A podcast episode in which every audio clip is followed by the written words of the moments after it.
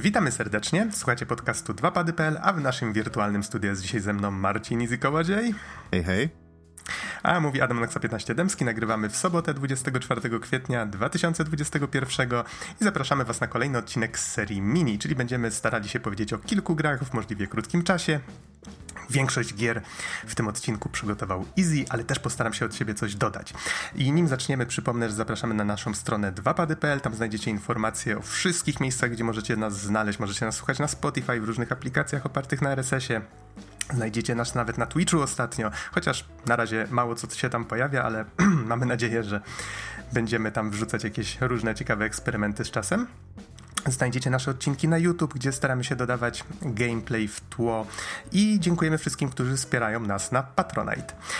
I to powiedziawszy, myślę, że możemy zaczynać. I nie wiem, Izzy, czy chcesz, żebyśmy wymienili wszystkie gry na początek, o których będziemy mówić? Y, możemy, ale tak chciałem jeszcze tylko wrzucić, że y, tak, tak, jak ty ostatnio się y, cały czas mówisz o speedrunningu i tak dalej, i tak dalej, to właśnie ten odcinek po, y, postaramy się też poświęcić speedrunowi, w sensie jak najszybciej, nie gadać przez godzinę o wszystkim dookoła.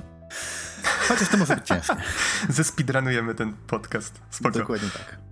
Ale go. tak, okej, okay, dobra. To o jakich grach będziemy gadać? Ja sobie wybrałem y, dzisiaj akurat rogaliczki, y, więc gry z gatunku roguelite. Będzie to Curse of the Dead Gods, Loop Hero oraz Trials of Fire. I ty jeszcze, Nox, też miałeś coś do dodania, prawda? Tak, ja chciałbym powiedzieć o Bloodstained Ritual of the Night, ale Classic Mode do tej gry. To jest właściwie taka gra w grze, to nie jest nawet tryb, jak nazwa by sugerowała, no ale to o tym za chwilę. Od czego zaczynamy? Po kolei. Curse of the Dead Gods. E, to tak. E, jest to w sumie e, hack and slash roguelite, więc mamy takie typowe systemy progresji, gdzie, gdzie tam odblokowujemy różne rzeczy, ale może po kolei. 3 marca 2020 roku platformy PC, PS4, Xbox One, Switch. Ja akurat dogrywałem na PC i jest to gra, która jest dalej rozwijana. Dalej są jakieś patche, na przykład ostatnio, przez ostatnio mam na myśli chyba ze chyba to był ten tydzień aktualny, yy, wydali nowy patch, gdzie jest trochę smaczków z Dead Cells, z innego rogali rogaliczka i no, tak jak mówię, cały czas są jakieś dodatkowe rzeczy. I yy, tak na dobrą sprawę Curse of the Dead Gods, hack and slash, po prostu idziemy przed siebie, wywinamy kolejne zastępy potworów yy, i zwiedzamy świątynię, bo jesteśmy takim, powiedzmy, przeklętym Indiana Jonesem, ale o klątwie za chwilę. I po prostu... Czy są toczące się kule kamienne? Yy, toczące się kule kamienne chyba też jest jedna z takich pułapek. Ale jest dużo więcej innych, co nie? Bo mamy coś takiego, że tak jakby wybieramy sobie różne ścieżki i wraz z progresją gry, jak, jak yy, pokonujemy kolejnych bossów, możemy iść coraz dalej w konkretnych świątyniach. I są... Yy, jest trzech bogów, jeden odpowiada za ogień, drugi za błyskowicę, trzeci za truciznę, więc mamy te takie podstawowe żywioły, powiedzmy. I przez to też od, odpowiednie ataki też możemy y, wykonywać ataki o różnych tych, y, różnych elementach. I każda z tych świątyń, tak jakby pierwsza świątynia to jest po prostu zestaw, chyba to jest 10 pomieszczeń albo 12, jakoś tak.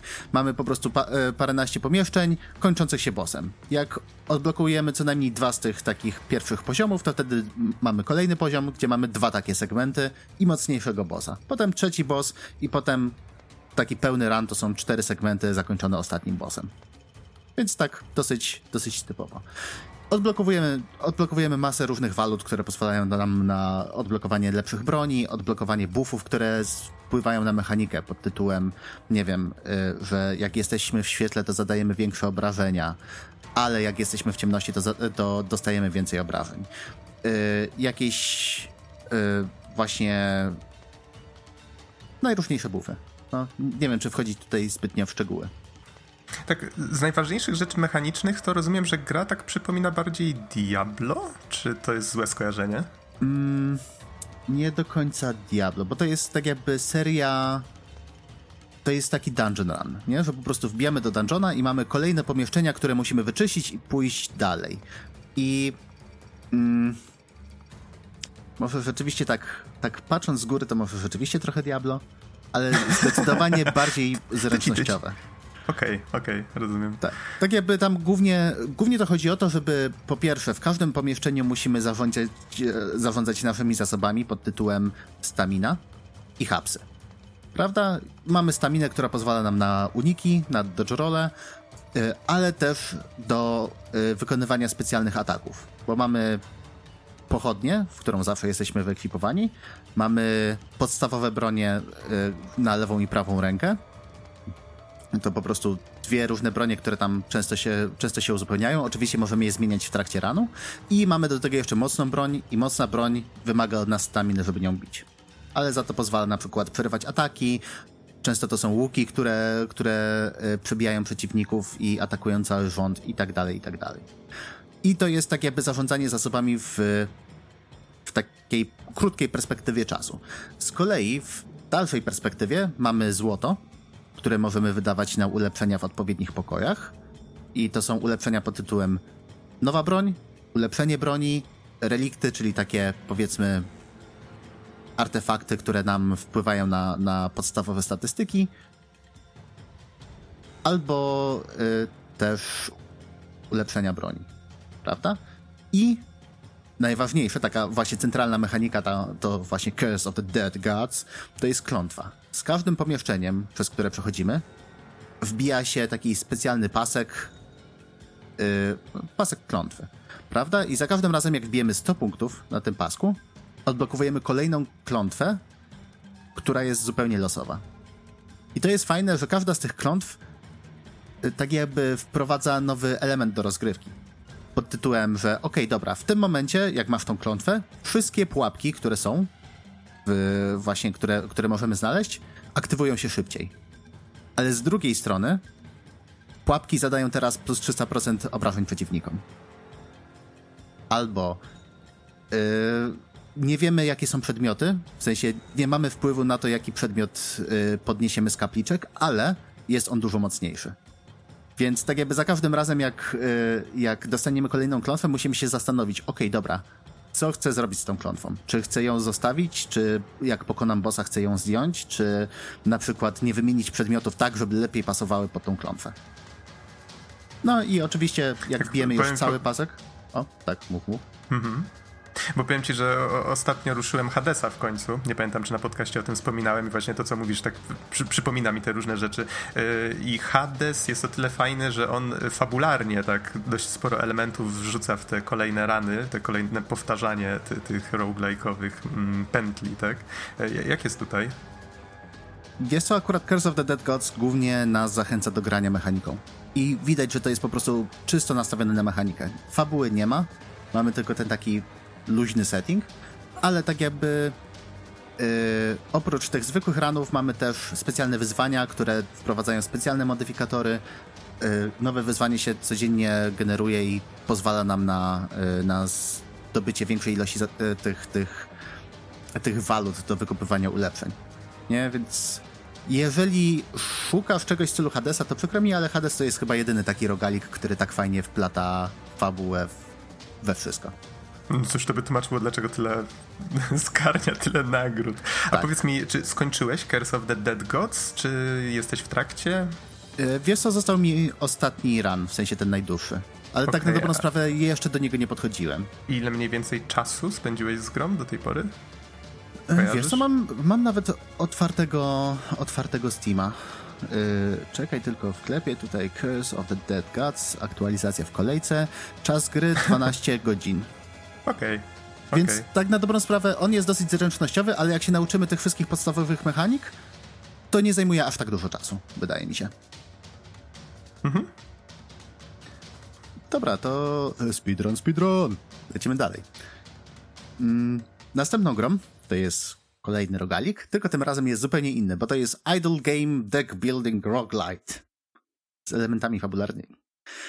Loop Hero. Pogubiłem, pogubiłem się, ale przyznam szczerze, że o Loop Hero słyszałem już z wielu różnych miejsc i zastanawiam się, czy to dlatego, że gra jest tak dobra, czy jest tak dobrze reklamowana. Yy, wiesz co, ona jest cholernie wciągająca. W sensie, okay. tak jak te wszystkie idle games, wiesz, te, te gry typu cookie clicker i tak dalej, gdzie nic nie robimy i wszystko się robi za nas. To to jest, to jest Loop Hero. W sensie, okay. rzeczywiście, my niewiele robimy, wszystko się dzieje automatycznie, ale cyferki sobie rosną. I my tak jakby zarządzamy, za, zarządzamy zasobami, ale cała walka jest do, wykonywana automatycznie. Tak jakby y, premis całego Loop Hero, który wyszedł 4 marca bieżącego roku na PC, tylko i wyłącznie aktualnie, ale za to Windowsowe i Macowe, warto wspomnieć, jest taki, że cały świat zanika przez jakąś ciemną, mroczną moc, prawda? I, ta, i tak jakby kolejne elementy świata znikają. I nasz bohater, jako jeden z niewielu, ma taką umiejętność, że w, w, e, jak przypomina sobie o różnych rzeczach, one się materializują. I tak jakby cały ten premis jest oddany właśnie tą mechaniką deck buildingu, gdzie zdobywamy kolejne karty i w trakcie przechodzenia kolejnych pętli, bo dosłownie mamy taką ścieżkę, która, która się zapętla i zaczyna się i kończy zawsze na obozowisku. Właśnie e... widzę, to wygląda trochę jak taki stary RPG, bo wszystko jest dosłownie płaskie i od góry. Tak, dokładnie. Tylko walki masz takie, takie bardziej jak stare RPG, w sensie jest od boku. E, taki widok powiedzmy około finalowy. Tak, czyli nie? że dwie drużyny, tak? Po jednej i po drugiej stronie, coś w tym rodzaju. Tak, dokładnie. Okay, okej. Okay. I, I e, właśnie jak idziemy dalej, to mija nam czas. Z każdym dniem dzieją się różne rzeczy. Pod tytułem na każdej, e, na każdym kwadraciku, gdzie jest ta nasza normalna ścieżka, mamy 5% szans, że się zmaterializuje jakiś slime. I, i w sumie jak zabijamy te slimy powoli, to one dropią nam karty, które pozwalają nam kłaść właśnie różne elementy na planszy pod tytułem mamy kamienie i góry, które nam zwiększają hapsy. Mamy łąki, które y, zwiększają regenerację hapsów wraz z każdym, y, z każdym dniem. A oprócz tego rzeczy typu lasy, gdzie są spawnowane nowe potwory. Y, bagna, jakieś tam cmentarze. Mamy dom wampirów, gdzie który wpływa na, na, okoliczne, na okoliczne pola jeżeli walczymy w, y, z przeciwnikiem na jednym z właśnie z dotkniętych pól, to pojawia się tam też wampir, z którym musimy walczyć. I tak jakby wraz z zabijaniem potworów mamy więcej kart, które stawiamy na planszy, co ich umiejscowienie też jest ważne. Stawiamy na planszy, które generują nam więcej zasobów, ale też generują więcej przeciwników, którzy generują więcej zasobów. Okej. Okay. Więc to jest taka bardzo ładna pętelka. E, okej, okay. jaki jest cel tej pętli? E, kładąc... Czy to, jest, czy to jest taki po prostu monopoli, że się kręci i kręci i kręci? E, nie, nie, nie. Kładąc kolejne elementy na planszę, wbijamy specjalny taki wskaźnik, który nam mówi, kiedy się pojawi boss. Jak mamy odpowiednio dużo elementów, wtedy pojawia się boss i przy kolejnym zakończeniu pętli musimy się z nim zmierzyć. Jeżeli nam się uda, no to wtedy odblokowujemy kolejny akt. Okej. Okay. Czyli jakąś tak... kolejną planszę z kolejną pętlą. Tak, dokładnie. Okay. I tutaj właśnie jak, jak już wyjdziemy z tej jak wyjdziemy z tej pętli i wrócimy do obozowiska, czyli do takiego w sumie menu między, między kolejnymi yy, rozgrywkami, tam wydajemy zasoby, które zdobyliśmy na budowanie wioski, która z kolei nam odblokuje więcej kart. I więcej jakichś tam buffów, do tego więcej klas postaci, bo to też jest ważne swoją drogą, że mimo tego, że nie mamy bezpośredniego wpływu na walkę, w sensie nie możemy wybrać, których przeciwników ma atakować postać, nie, nie ma żadnych umiejętności y, takich y, aktywnych, gdzie też musimy coś kliknąć, to mamy różne klasy postaci i każda z nich ma do dyspozycji różne elementy ekwipunku i, y, i na różne sposoby je zdobywa. Na przykład pierwsza klasa, czyli wojownik, po prostu zabijając potwory, może wydropić item. Kropka. Rogal, w sensie łotrzyk, jak zabija potwory, to zdobywa, yy, zdobywa yy, zasoby, takie skrapsy, powiedzmy, jakiś złom i w momencie, kiedy przejdzie przez obozowisko, cały złom jest zamieniany na itemy. Im więcej miał złomu, tym lepsze itemy. Więc tak jakby też musimy tutaj myśleć o tym, co, gdzie, kiedy, jak złożyć. Każda z broni ma y, jakieś inne statystyki, typu, nie wiem, szansa na unik, szansa na kontrę, szybkość ataku, obrażenia oczywiście, tak dalej, tak dalej. Więc musimy tutaj myśleć zarówno o tym, o uzbrojeniu naszego bohatera, umiejscowieniu, tak jakby, ile chcemy dać y, kart, które generują potwory, z iloma możemy sobie poradzić, żeby nie zginąć, bo jeżeli zginiemy, to możemy zabrać tylko część zdobytych zasobów ze sobą do obozowiska.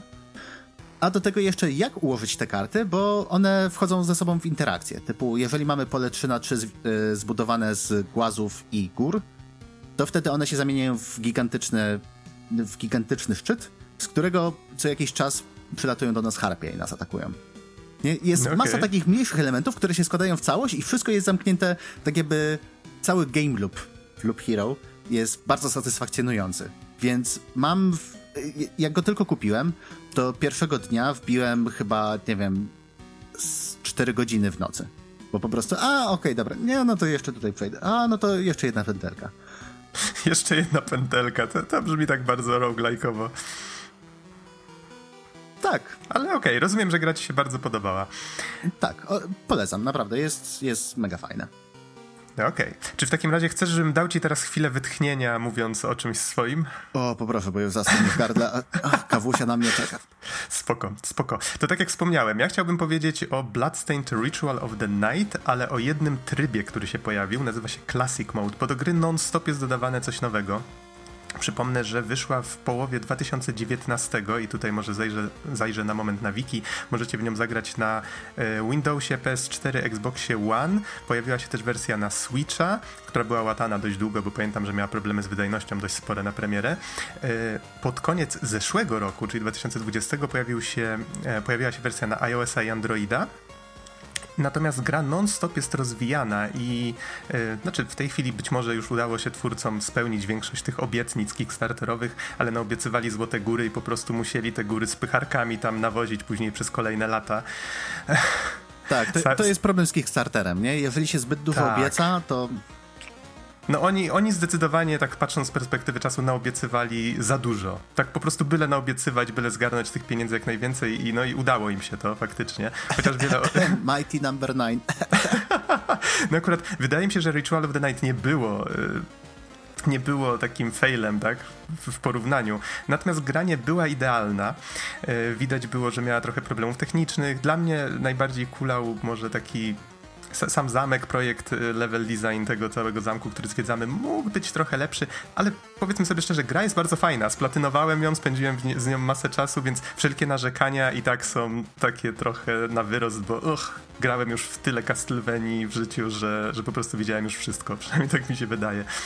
E, natomiast y, jedną z takich rzeczy, które się w grze pojawiły, bo mógłbym tutaj mówić o wielu różnych, dodano odgrywalne postacie, dodano tryby, gdzie można grać bossami nawet takie boss rush mode odwrócone, można by powiedzieć.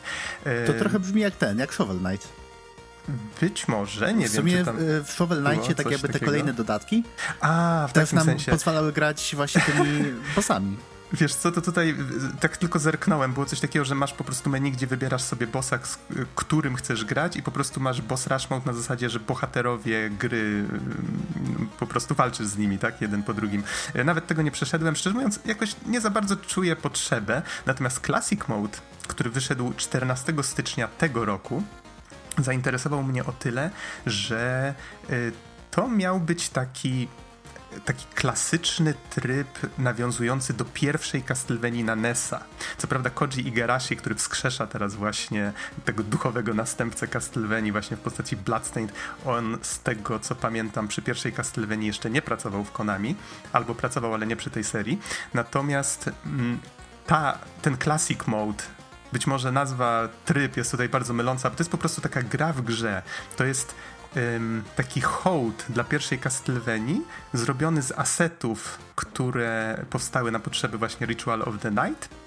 Ale jeżeli macie jakieś wspomnienia właśnie związane z pierwszą Castlevanią, to będzie to dla was taki nostalgia trip po całości, autentycznie. Gra ma y, nadal oczywiście grafikę 3D, y, tylko że ustawioną na płaszczyźnie, takie 2,5D, tak? Y, tak jak wspomniałem, to są te same asety, więc rozpoznacie i bohaterkę, i, i rozpoznacie właśnie y, otoczenie, z którego są poskładane te levele, ale już sama liczba leveli, no bo tutaj mamy w tym trybie właśnie do czynienia y, nie jakby z otwartym zamkiem, tylko mamy levele, na końcu każdego jest boss, na samym końcu mamy głównego bossa, nie jest nim Dracula, ale, ale ktoś, kto bardzo, bardzo podobnie wygląda i atakuje w ten sam sposób, e, więc Liczba leveli jest ta sama co w pierwszej Castlevanii. Fragmenty tych leveli są czasami niemal identyczne. Ta gra po prostu cytuje pierwszą Castlevanię, gdzie tylko może. Jak walczymy z bossami, to też o, poznaję, to jest Frankenstein i nawet ma tego Hoppera czy Henchbecka, różnie w serii ich nazywano, który skacze po całym pokoju i strzela czymś tam przy okazji. Więc to, to jest kalka, to jest autentycznie kalka, ale chyba słowo hołd tutaj trochę bardziej pasuje. Um, przejście tego zajęło mi niecałe półtorej godziny, biorąc pod uwagę, że tam powiedzmy w trzecim levelu ginąłem dość gęsto i często, bo gra ma masę takich archaizmów które celowo dziedziczy w rodzaju, że jeżeli ktoś nas trafi, to jesteśmy y, na przykład odrzucani, jeżeli jesteśmy w powietrzu. Właśnie już nie pamiętam, czy w oryginale musieliśmy być w powietrzu, żeby być odrzucanym, ale powiedzmy, że to już zbyt duże y, wchodzenie w Wydaje szczegóły. Wydaje mi się, że, że tak, w oryginale też jak ten, y, na ziemi też byliśmy odrzucani. No to właśnie nie pamiętam, czy tutaj tak było, być może nie, bo to, jest tak, że celowo pewne archaizmy zaadaptowano, ale niektóre z nich zmieniono. Czyli na przykład y, możemy wskakiwać i zeskakiwać ze schodów. Coś, czego w jedynce się nie dało robić. Tam w kolejnych częściach różnie z tym eksperymentowano. Y, po wykonaniu skoku mamy pewną ograniczoną kontrolę nad postacią do pewnego stopnia. Możemy dawkować siłę skoku, co też bardzo dużo rzeczy ułatwia. Y, co najważniejsze i co mi się bardzo podobało, możemy się obracać w powietrzu, więc możemy skoczyć, obrócić się w powietrzu, zaatakować kogoś, kto próbuje podlecieć do nas z tyłu, czyli tam powiedzmy jakaś głowa meduzy po sinusoidzie, czy coś takiego. E, wiecie o co chodzi, jeżeli graliście w jakąkolwiek Castlevanię. E, I w grze jest też backflip, czyli taki przewrót do tyłu. Jeżeli ktoś grał w Rondo of Blood, to na pewno kojarzy. Jeżeli się naciśnie skok i potem jeszcze raz szybko skok, to wtedy postać w powietrzu robi takiego, taki przewrót do tyłu i wtedy można w ten sposób albo się dostać gdzieś wyżej, e, jeżeli to umiejętnie wykorzystamy, albo możemy przeskoczyć przeciwnika, który właśnie podchodzi do nas od tyłu, co jest bardzo przy okazji fajnym takim e, fajnie wyglądającym ruchem, jeżeli się go nauczymy, możemy przeciwnika na przykład zaatakować. On myśli, że już nas zaraz tutaj trafi, a my pach i go w plecy. Więc jest to bardzo fajny ruch. Tutaj jest jeszcze o tyle fajnie zrobiony, że z tym obrotem w powietrzu można z niego korzystać tak, jak z takiego swag double jumpa. Czyli skaczemy, robimy obrót w powietrzu, szybko naciskamy kolejny raz skok, robimy ten backflip i na przykład dostajemy się do platformy, do której inaczej nie dałoby się dostać. Yy, I tylko dziwne, że gra w ogóle nie tłumaczy, że jest ten backflip. Więc to jest taki ruch typowo dla nigdzie nie znalazłem, chyba nawet w menusach nie było to nigdzie wspomniane, więc to jest takie typowe oczko dla fanów, że o, zobacz, spróbuj zrobić coś takiego. Z drugiej strony już double jump jest na tyle popularną rzeczą w grach, że być może ludzie sami po prostu naciskają odruchowo i po prostu w pewnym momencie to zauważą sami. Um, co tu jeszcze takiego mógłbym powiedzieć? W sumie tak wszedłem mocno w bardzo mechaniczne rzeczy, Natomiast wydaje mi się, że y, z takich istotnych rzeczy bardzo mi się podoba jakościowo, jak to jest zrobione. Z napisów końcowych dowiedziałem się, że całość robiło prawdopodobnie Way Forward, więc y, twórcy Shantae, którzy pomagali też przy, przy Ritual of the Night, domyślam się, że zajmowali się właśnie szlifierką wszystkich leveli, oświetlenia i tak dalej, bo tam była mowa na jednym z update'ów Kickstarterowych, że twórcy mieli z tym problem w pewnym momencie, po prostu się nie wyrabiali czasowo i tam widać, że wiele pomieszczeń po prostu było robionych tak po łebkach, e, dało się je doszlifować lepiej. I to, co mi się podoba właśnie w Classic Mode, to to, że widać, że tu każde pomieszczenie jest autentycznie doszlifowane. Jest przemyślane, co ma być w tle, jak to ma ładnie wyglądać, jak ma być oświetlone, żeby było jak naj, najbardziej atrakcyjne wizualnie, więc ta, ta gra z jednej strony tak mnie zasmuciła, bo pokazała mi, jak mogło wyglądać Ritual of the Night, gdyby miało albo większe studio, albo więcej właśnie zasobów, czy to pieniędzy, czasu, tak, czegokolwiek. Mam nadzieję, że jeżeli dwójka kiedyś powstanie, to że będzie wyglądać właśnie przynajmniej tak dobrze, jak właśnie ten Classic Mode. Wiesz co, ja cały czas mhm. mam cały czas mam na liście do przejścia Ritual of the Night. Aha. I Kurde, nie, to, to brzmi jak spoko pomysł, żeby rzeczywiście wbić i, i przejść tego Classic Mode, bo on jest tak jakby zupełnie osobnym trybem gry, tak? To nie trzeba nic wiedzieć z podstawki, żeby żeby go zagrać. A, widzisz, dobrze, że zadajesz to pytanie. Yy, niestety na samym końcu jest pewna niespodzianka, która jest spoilerem z samego Bloodstained. Więc raczej radziłbym, znaczy wydaje mi się, że o, tu, tu, tutaj akurat przyznaję się, nie jestem przygotowany na to konkretne pytanie, sam je teraz zadam, czyli co trzeba zrobić, żeby w ogóle zagrać w Classic Mode. Wydaje mi się, że trzeba chyba skończyć grę, żeby go odblokować. Nie jestem A, pewien. Okay. Nie jestem niestety pewien, więc tutaj będziecie musieli sprawdzić sami, ale jeżeli tak jest, to jest to dla waszego dobra, tak? Bo po prostu unikniecie wtedy na końcu jednego spoilera z, z samego Bloodstained. Um, ale tak, jest to zdecydowanie coś, co polecam fanom. Yy, pozostali, którzy fanom Castlevanii przede wszystkim, tej pierwszej, którzy zjedli już zęby na tej serii, wszyscy pozostali, jeżeli jesteście osobami, które nie lubią jak gra testuje waszą cierpliwość, czyli powiedzmy jesteście w stanie zginąć po prostu, jeżeli zostaniecie zepchnięci do, e, do przepaści, giniecie momentalnie, nieważne ile zdrowia mieliście, jesteście cofani do ostatniego checkpointu. E, ta gra potrafi być bardzo, bardzo trudna domyślam się dla, dla kogoś, kto nie jest jakby z czymś takim zaznajomiony, z takim trybem gameplayu. Natomiast jest wybór poziomu trudności. Nie testowałem easy, ale jest taki tryb, więc yy, domyślam się, że może jest trochę przystępniejszy. E, Właśnie to było pytanie, które chciałem zadać, bo, bo, rzeczywiście tak jakby zdaję sobie sprawę z tego, już, już nieraz dyskutowałem o tym, o poziomie trudności w grach yy, i też zdaję sobie sprawę z tego, że jest coś, co ja osobiście nazywam tam arcade hard albo NES hard, nie? gdzie aha, po prostu są aha. gry, które są ciężkie, które po prostu czujemy, że są niesprawiedliwie ciężkie. I tak jak wiesz, tak jak opisywałeś te wszystkie pushbacki i tak dalej, to spoko z jednej strony rzeczywiście trochę yy, tak jakby odciążone są te elementy gry, jeżeli chodzi o, o trudność, ale zastanawiałem się, jak to wypada w całości, tym bardziej jak ty umierałeś na trzecim poziomie i to wiele razy, to coś musi być na rzeczy. Tak, tak. Pamiętam, że jednym z powodów było to, że tak jak gra się powiedzmy w tą nesową część, to tam niektórzy przeciwnicy zachowują się tak deterministycznie, na zasadzie, że wiesz, że skoczysz w daną stronę i on zawsze pofrunie w tę samą. A tu był taki jeden przeciwnik, który czasem pofrunął do góry, czasami pofrunął do dołu. Eee! No ale dobra, powiedzmy, że gra też ma takie tam swoje różne dziwactwa. No ale żeby już nie przedłużać, to powiem po prostu, że jako fan, nie wiem czy to kwestia nostalgii, może tak, może nie, ale ja byłem zachwycony, więc bardzo mi się ten tryb podobał i... No aż tak szkoda, że się nazywa po prostu Classic Mode i pewnie wiele osób w niego nie zagra, bo wyszedł tak późno i został dodany jako co, do, dodatek do czegoś innego, no ale jeżeli macie Ritual of the Night, myślę, że warto po to sięgnąć. Dobra, to teraz do czegoś zupełnie innego. Kolejny rogalik z elementami deckbuildingu, ale tym razem taktyczny RPG. Y, a mowa o Trials of Fire, które wyszło z Early Accessu 9 kwietnia bieżącego roku na PC-ty aktualnie, a, tylko i wyłącznie. To nówka. Nówka, panie, ostatnio to wiesz, te same nowe gry cisnę. Same nowe gry. Nie licząc Niera, który jest nowy, stary. I być może kilku innych tytułów, ale ci... Je jeszcze do tego kiedyś przejdziemy, tak? Ja tak. wczoraj 6 godzin już zerwałem na premierę na nockę, więc ja dopiero pół godziny już mnie doprowadza do, do szewskiej pasji, to że czasami jest X, czasami kółko. No, na recenzji obiecałem, że już nigdy tej gry nie tknę, jeżeli dobrze pamiętam, ale nieważne, nieważne. Ale, ale to jest inna gra, to jest nowa wersja. tak, dokładnie, teraz kolejna platyna wchodzi. O, dobrze, Trials of Fire, easy, e, tak. tak, Trials of Fire. E, ogólnie to, to jest tytuł, który przykuł moją uwagę, bo osobiście bardzo lubię gry lubię taktyczne RPG i właśnie miałem tego takiego to takie swędziało mnie gdzieś coś na plecach, że kurde, ale bym sobie pograł w taktycznego RPG. I patrzę, Trials of Fire, wyszło, nówka.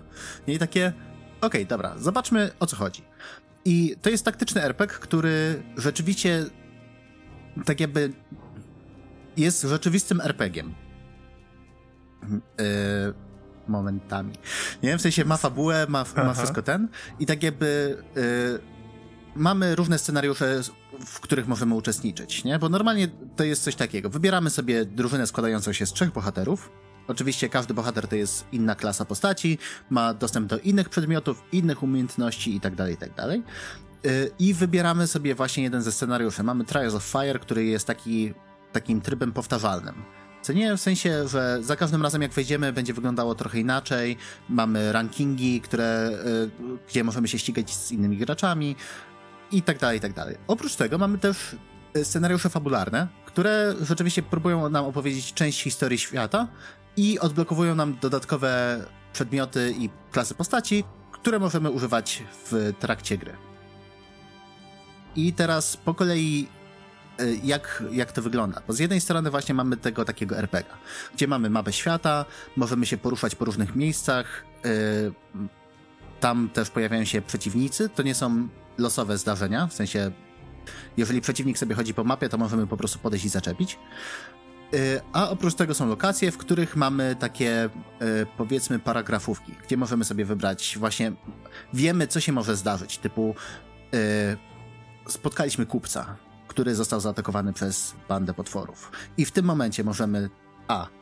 walczyć z potworami, wtedy mamy walka w 100%, przedmioty tam, nie wiem, 50% i nowy sojusznik 25%. Albo możemy po prostu zostawić i wtedy nic się nie dzieje. Albo mamy jeszcze też trzecią opcję, która nam daje, że nie wiem, że zdobędziemy jakieś dodatkowe zasoby. I po prostu rozgrywamy, na takiej zasadzie rozgrywamy po prostu kolejne miejsca i musimy cały czas dbać o, naszych, o naszą drużynę. W sensie musi być nakarmiona i musimy mieć jedzenie, które rzeczywiście wpływa y, po pierwsze na hapsy, po drugie wpływa na zmęczenie. Im bardziej jesteśmy zmęczeni, tym gorzej mamy w trakcie walk, o których za chwilę powiem ale też muszą być zdeterminowani, a determinacja rośnie, kiedy idziemy w stronę naszego głównego questu. Jeżeli oddalamy się zbyt długo, zbyt długo nic z tym nie robimy, wtedy spada morale, który też wpływa na, bezpośrednio na walkę. I oprócz tego są jakieś tam sklepiki, jakieś, jakieś inne mniejsze rzeczy. Ale wszystko to, co robimy na mapie świata, przekłada się na część taktyczną. To jest tak jakby klucz całej gry, według mnie. I to jest walka na, na arenach, które są y, podzielone na, na sześciokąty. Tam czasami są jakieś przeszkody terenowe i tak dalej, i tak dalej. I walczymy nasze trzy postaci przeciwko hordy przeciwników. Hordy, przez hordy mam na myśli od jednego do chyba pięciu czy sześciu najwięcej spotkałem naraz. I to są, y, to są rozgrywki turowe. Na początku my, potem przeciwnicy, ale to, co jest, to, co jest ciekawe, to to, że wszystkie ruchy, które wykonujemy, to są karty, karty, które dociągamy do rąk każdej z postaci. Ręka tam może mieć trzy karty, y, to znaczy inaczej, startujemy turę mając po trzy karty na każdą postać i żeby wykonać ruch, musimy wydać odpowiednio dużo punktów, które zdobywamy albo przez karty, które nam pozwalają właśnie generować willpower, albo przez wyrzucanie kart innych. W sensie po prostu robimy taki typowy discard, prawda? Y, I y, i takie, pier takie, pierwsze skojarzenie, y, jak patrzę właśnie na screeny, to Heroes of Might and Magic. Nie wiem, czy to dobre. To jest dobre skojarzenie na pewno pod tym względem, że to jest podzielone na sześciokąty. Mhm. Drugim skojarzeniem powinno być Slay the Spire, gdzie tak, mamy ograniczone zasoby, które wydajemy, żeby rzucać kolejne karty. A do tego jeszcze mamy właśnie rozwój postaci, gdzie, y, gdzie oczywiście mamy. Każda z postaci ma deck, y, gdzie ma 9 kart. I z każdym poziomem możemy albo wymienić jedną z kart na inną, mocniejszą, albo ulepszyć jedną z posiadanych. A oprócz tego mamy masę tam slotów na różny ekwipunek, który i każdy z elementów ekwipunku generuje nam dodatkowe karty, które, które mamy w deku. I więc cały czas tak jakby musimy, e, musimy balansować między ilością kart, między naszymi kombosami tak jakby wewnątrz postaci, że tak powiem, a też kombosami związanymi z innymi postaciami. Do tego, jeżeli mamy drogie karty, na przykład coś, co, yy, coś, co kosztuje 3 willpowera, prawda? 3 willpowera to jest naprawdę bardzo sporo jak na tą grę.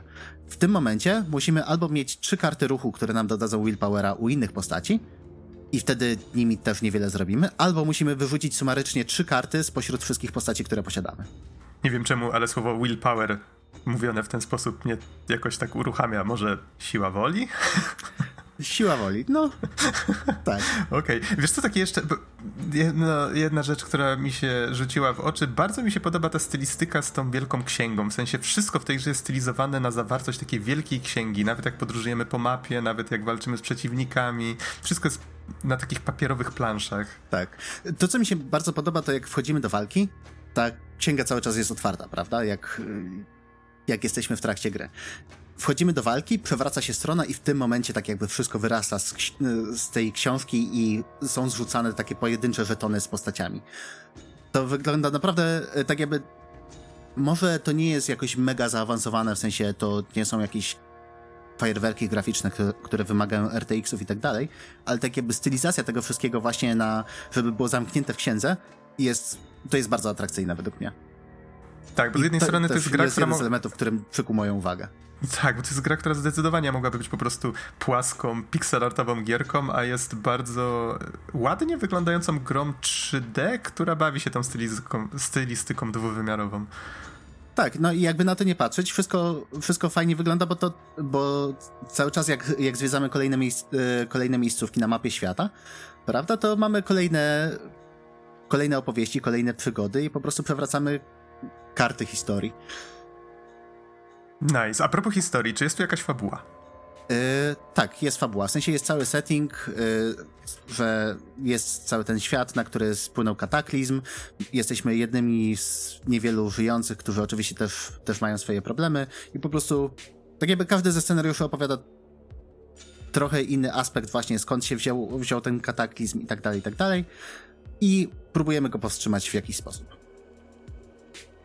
Mhm, okay. Nie chcę też wchodzić i tak, zbytnio. Okej, okay. i tak jak pozostałe gry, które, o których dzisiaj opowiedziałeś, jest to też rogalik. Tak, to też jest rogalik. Jak e, za każdym razem, jak skończymy po prostu przygodę, czy to zginiemy, czy, skończy, czy dojdziemy do końca, pokonamy ostatniego bossa, nasze, po, e, nasze postaci dostają osobne punkty doświadczenia, które tak jakby wpływają na to, ile, e, ile różnych kart, e, jakie, z jakimi kartami startują i o, na pulę kart startowych. O, powiedzmy tak. No okej, okay. Okay. Tych, które można później też dociągnąć. Powiedzmy, że trochę takie Slay the Spire vibes. Nie, że każdy poziom to są jakieś dodatkowe przedmioty i dodatkowe karty, które możemy zdobyć w trakcie przygody. Mhm. I nie pamiętam, wspominałeś chyba, że gra miała e, długi okres e, early access, tak? Bo widzę, że ma bardzo dużo pozytywnych opinii na Steamie, jak na tak. coś, co wyszło raptem na początku tego miesiąca. Yy, tak, tak, właśnie yy, to się działo w early accessie chyba ponad rok. Nie wiem ile dokładnie. Tak jakby strona Wikipedii mówi, że to miało premierę w 2019 roku, gdzieś koło marca albo kwietnia. Prawda? A, ale czy to jest prawda? Nie wiem. Tym bardziej, że tam też platformy się nie zgadzały na, na tym wyszukiwaniu Google. ale, okay. ale tak, ale właśnie 9 kwietnia bieżącego roku to wyszło w pełni z Early Accessu i możemy to zakupić i cisnąć. Okej. Okay. wspominałeś o platformach? E, tylko i wyłącznie PC aktualnie. Okej, okay. okej. No dobrze, czy w takim razie kończymy tego Uff, minisa? Tro, e, trochę nam się przedłuży nasz speedrun minisowy, ale... O, wiesz, jak, jak, to z, jak to z prawdziwym speedrunem? Wszystko jest... Nie, nie, zawsze chodzi o to, żeby od razu pobić rekord świata. Chodzi o to, żeby za każdym razem być ciut lepszym. Dokładnie tak. I przede... Dlatego, drodzy słuchacze, jeżeli oczekujecie, e, oczekujecie krótkich minisów, Zapraszamy za dwa lata. A druga rzecz związana ze speedrunem, żeby po prostu mieć z tego frajdę. Prawda, no i mamy nadzieję, że gry, o których wspomnieliśmy, dadzą wam choć trochę frajdy, jeżeli was zachęciliśmy do sięgnięcia po nie. Tak więc tak, dziękuję. ja osobiście, mhm. jeszcze wybacz, że się tak wtrącę. Proszę bardzo. Ale to, co chciałbym powiedzieć, to, to są gry, które rzeczywiście może odpalając je, nie miałem aż tak dużych oczekiwań, ale wszystkie z nich mnie wciągnęły nie? Także w każdej z nich mam co najmniej po paręnaście godzin wbitych. Mhm, mhm. Spoko, spoko. Więc zachęcamy i dziękujemy wam bardzo za uwagę. Do usłyszenia w następnym odcinku. Trzymajcie się. Hej! Cześć.